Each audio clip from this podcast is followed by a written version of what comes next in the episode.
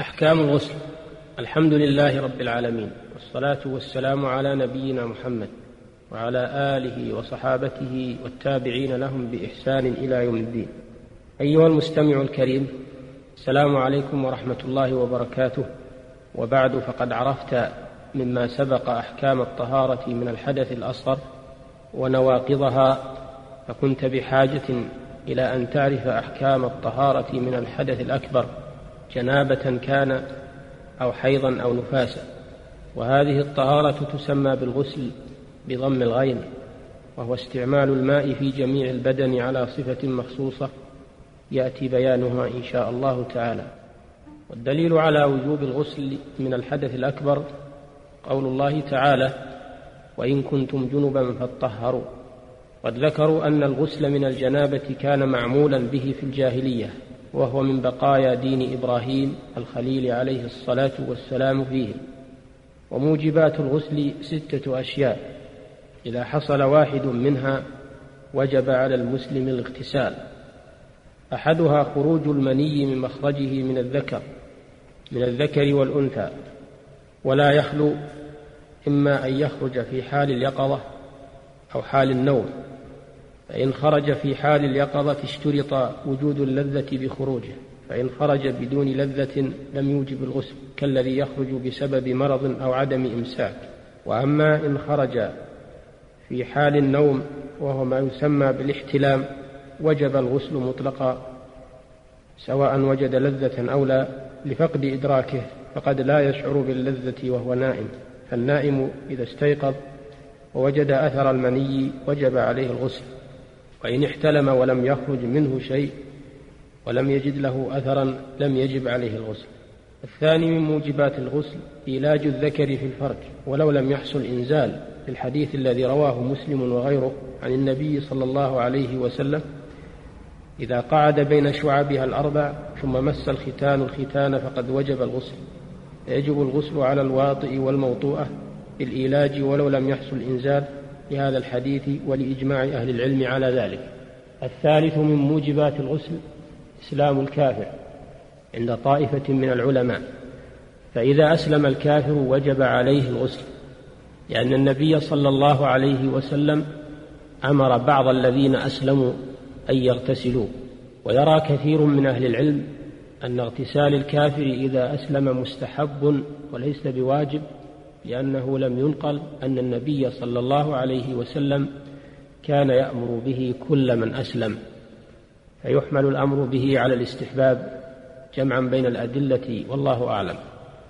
الرابع من موجبات الغسل الموت فيجب تغسيل الميت غير الشهيد في المعركة فإنه لا فالشهيد في المعركة لا يغسل وتفاصيل ذلك تأتي في أحكام الجنائز إن شاء الله تعالى. الخامس من موجبات الغسل الحيض والنفاس.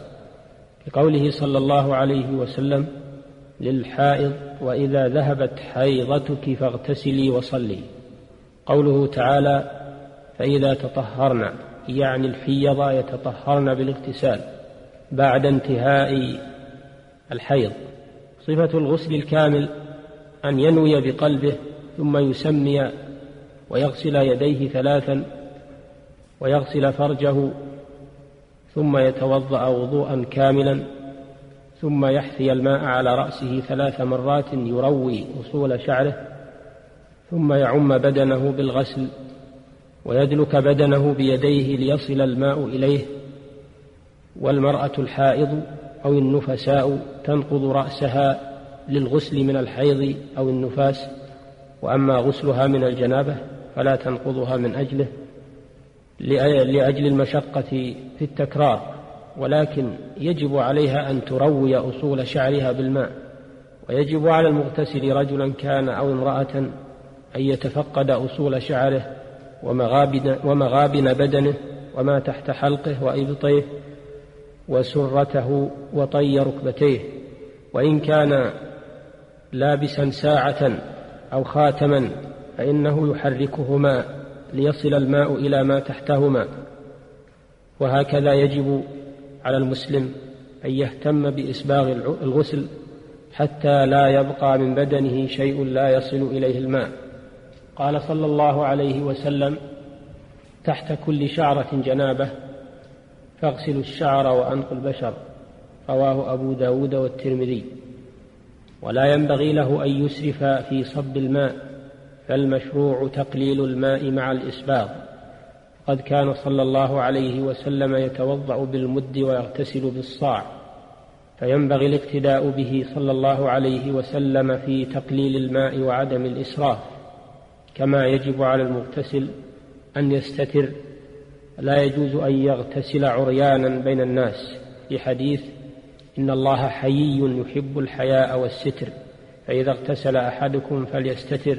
رواه أبو داود والنسائي. والغسل من الحدث الأكبر أمانة من جملة الأمانات التي بين العبد وبين ربه يجب عليه أن يحافظ عليه وأن يهتم بأحكامه ليؤديه على الوجه المشروع. وما أشكل عليك أيها المسلم من أحكام الغسل أو غيره ومن موجباته فاسأل عنه أهل العلم. ولا يمنعك الحياء من ذلك فإن الله لا يستحيي من الحق.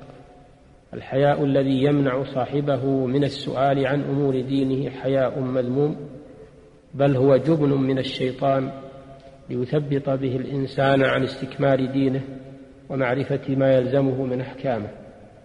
وأمر الطهارة عظيم والتفريط في شأنها خطير لأنها تترتب عليها صحة الصلاة. التي هي عمود الإسلام فينبغي للمسلم ويجب عليه أن يهتم بطهارته ويحكمها ويتقنها على وفق ما شرعه الله ورسوله ولا يتساهل في شأنها ولا يأخذها بالتقليد عما عمن لا يعرفون الأحكام الشرعية بل عليه أن يأخذها ممن يعرفون حكمها من الشرع نسأل الله لنا ولجميع المسلمين البصيرة في دينه والإخلاص له في القول والعمل. صلى الله وسلم على نبينا محمد وآله وصحبه. وإلى الحلقة القادمة بإذن الله تعالى. السلام عليكم ورحمة الله وبركاته.